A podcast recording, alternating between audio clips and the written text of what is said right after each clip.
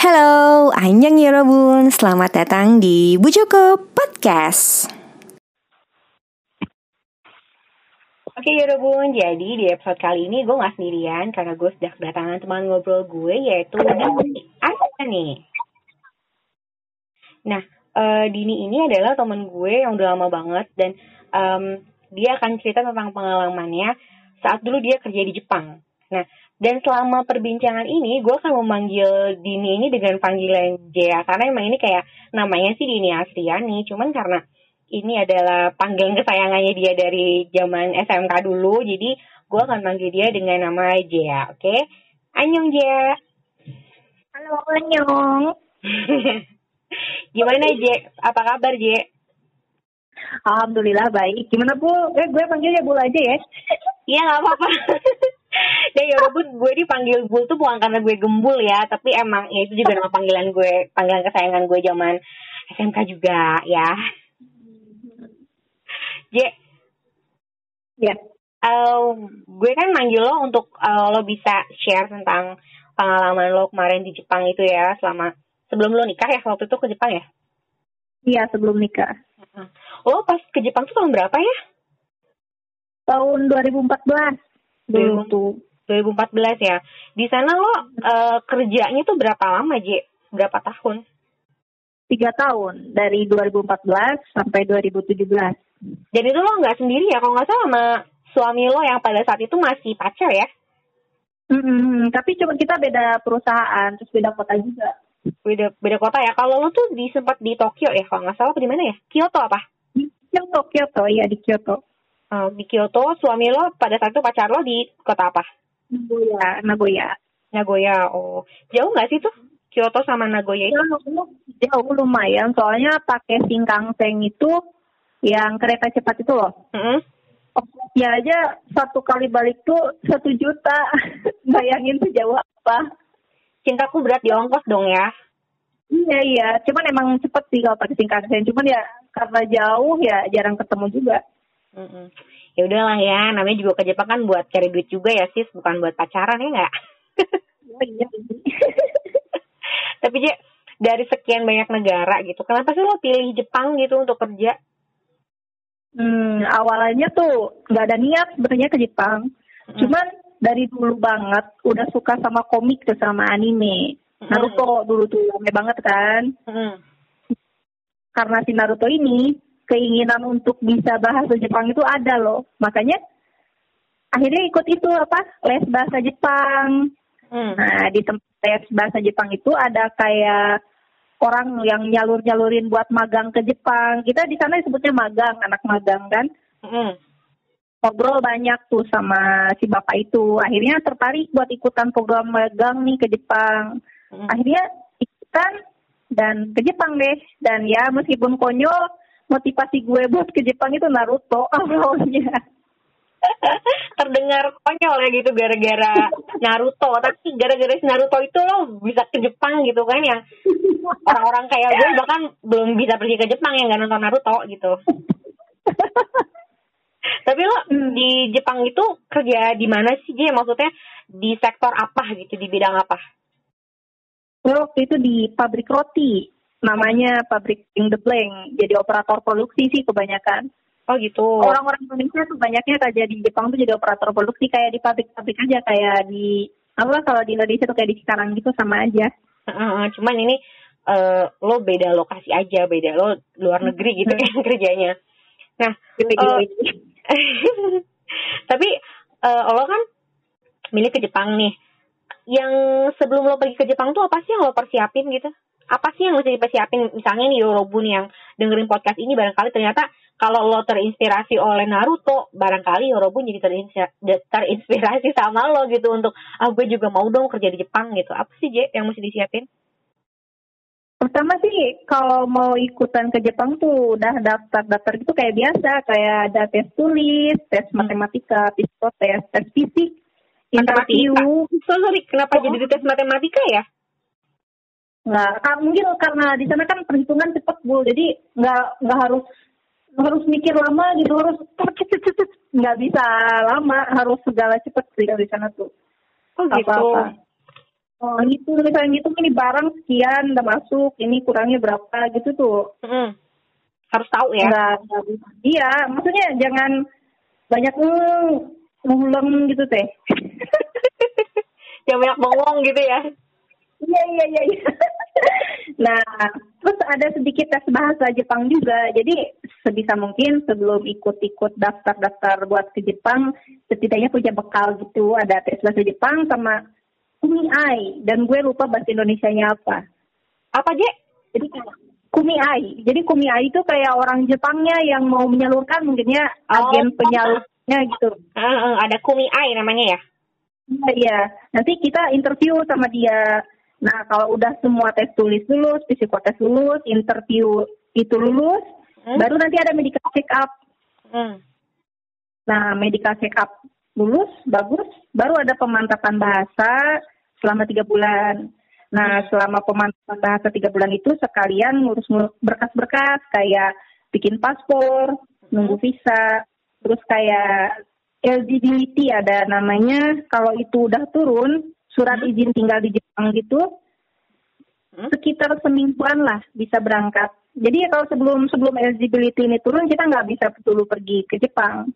Dan selama proses tiga bulan kita belajar ini udah ada tanda tangan kontrak sama perusahaan yang akan kita datangi nanti.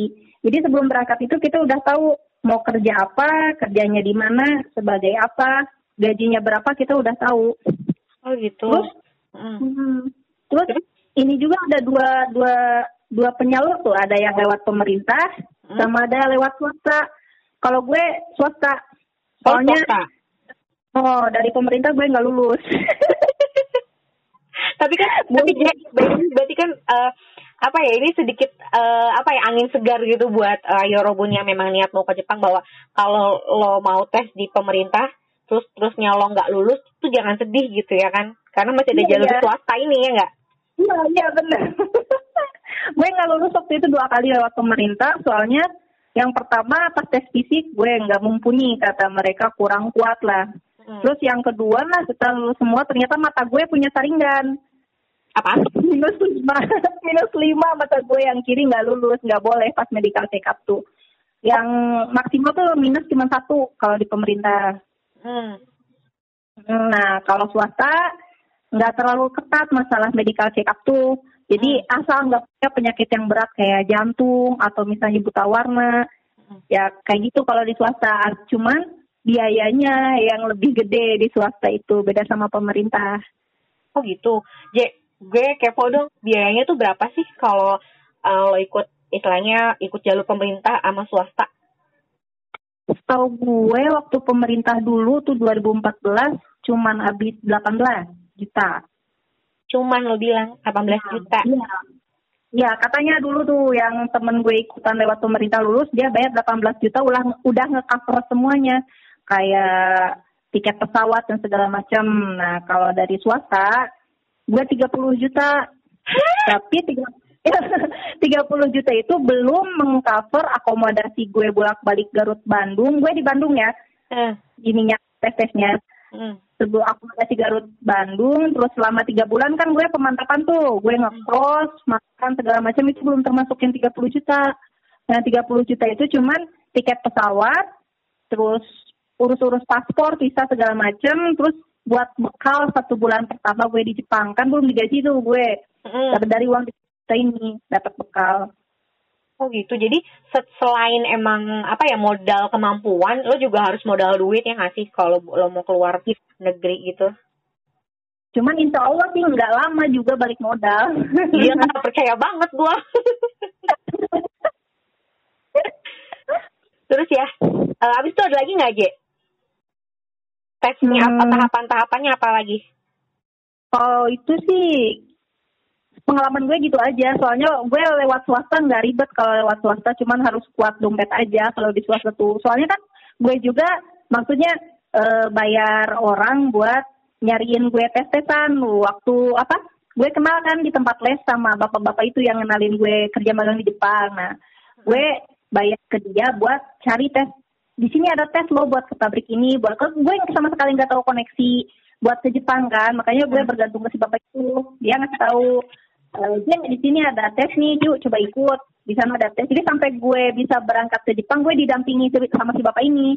Gue tahu beres waktu itu. Nggak tahu apa apa cuman gue bayar ke si bapak itu gitu. Jadi memang 30 juta tuh worth it lah ya ya nggak sih? Iya iya.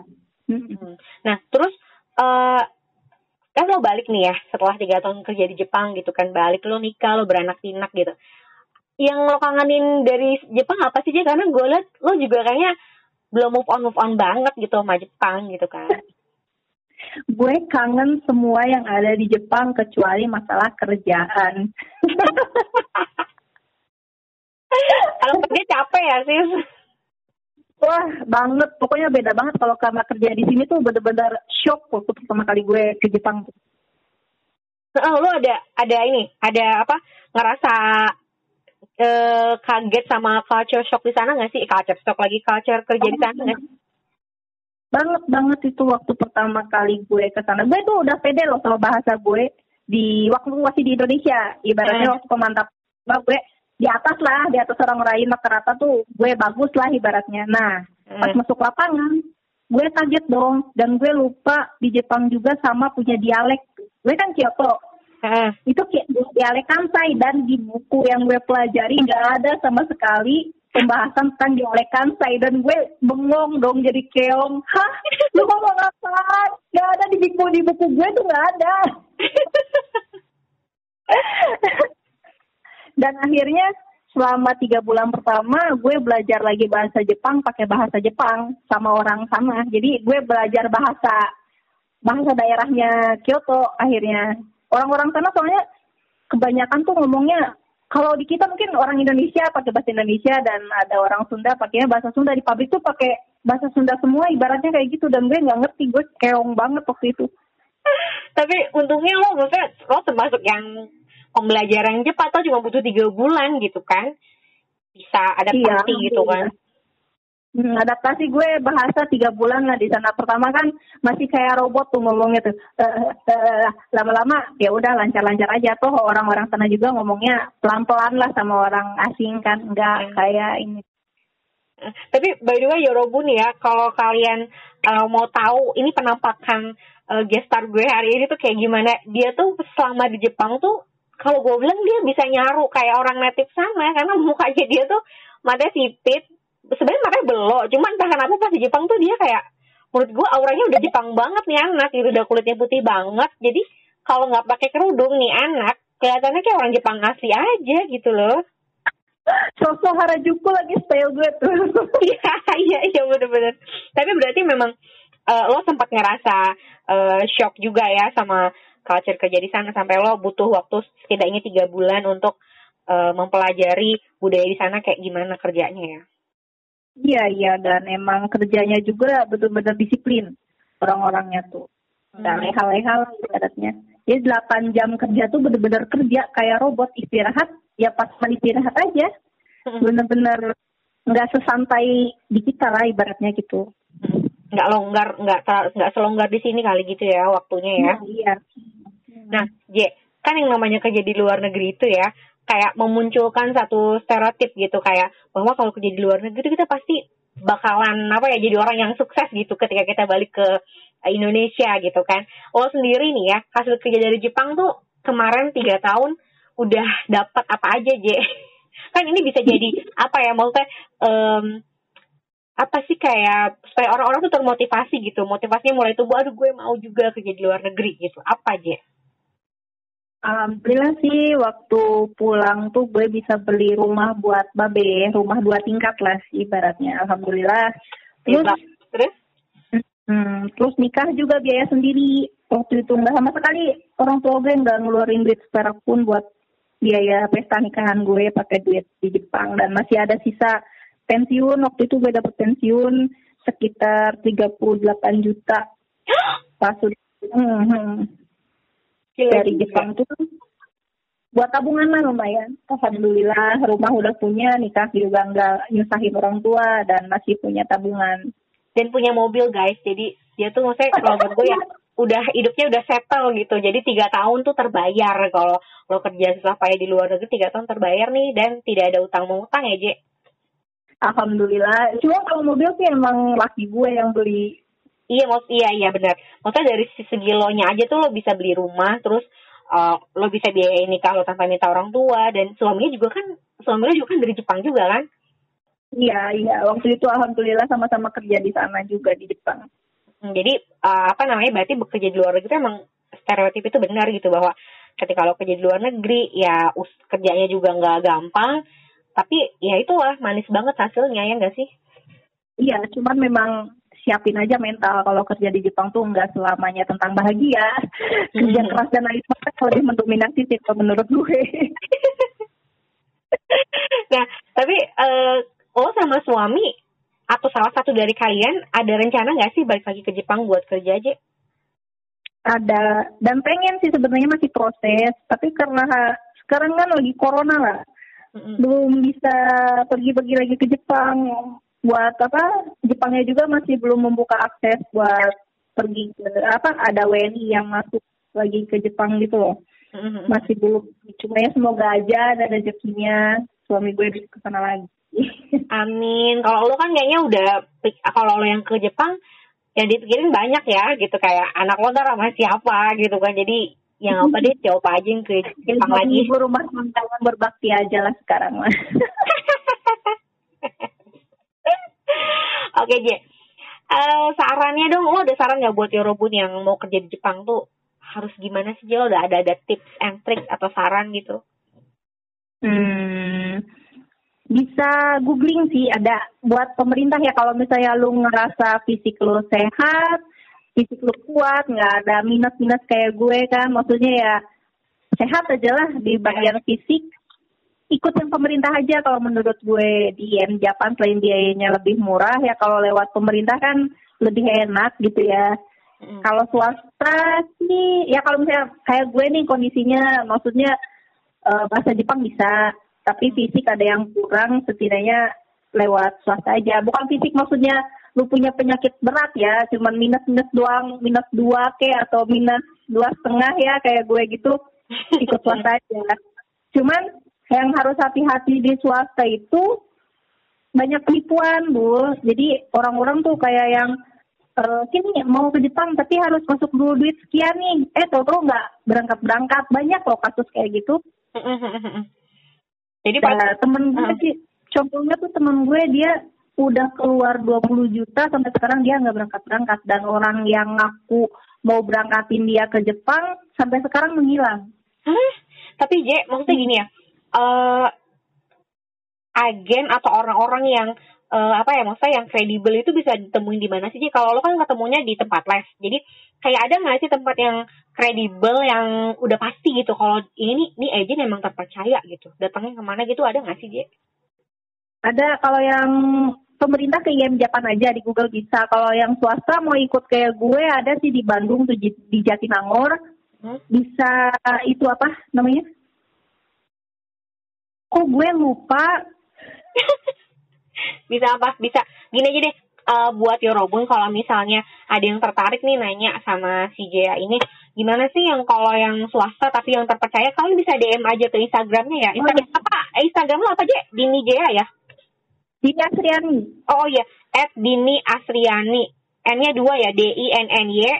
Asriani ya J Iya iya uh, tapi bisa sih satu kalau misalnya itu orang swasta udah minta duit mendingan lu nggak jadi aja. Jadi kalau misalnya kontrak kerja belum jelas, udah dimintain duit, udah udah yakin nih orang nggak bener gitu. Kalau menurut soalnya gue waktu dulu gitu bayar 30 juta itu setelah kontrak gue jelas kerja di mana, gaji gue berapa, kerja apa, baru gue bayar 30 juta. Oh gitu. Jadi sebenarnya kentara ya yang menipu sama hmm. yang uh, kredibel tuh kelihatannya dari setor-setor duitnya itu setelah atau sebelum kontrak kerja gitu ya nggak sih? Ya, iya. Terus lihat tuh ini orang udah berangkatin berapa angkatan buat ke Jepang tuh apa karena dia ngomong aja. Maksudnya kalau bisa datengin lah kantornya, lihat-lihat kantornya dulu. Terus angkatan mana aja nih yang udah ke Jepang?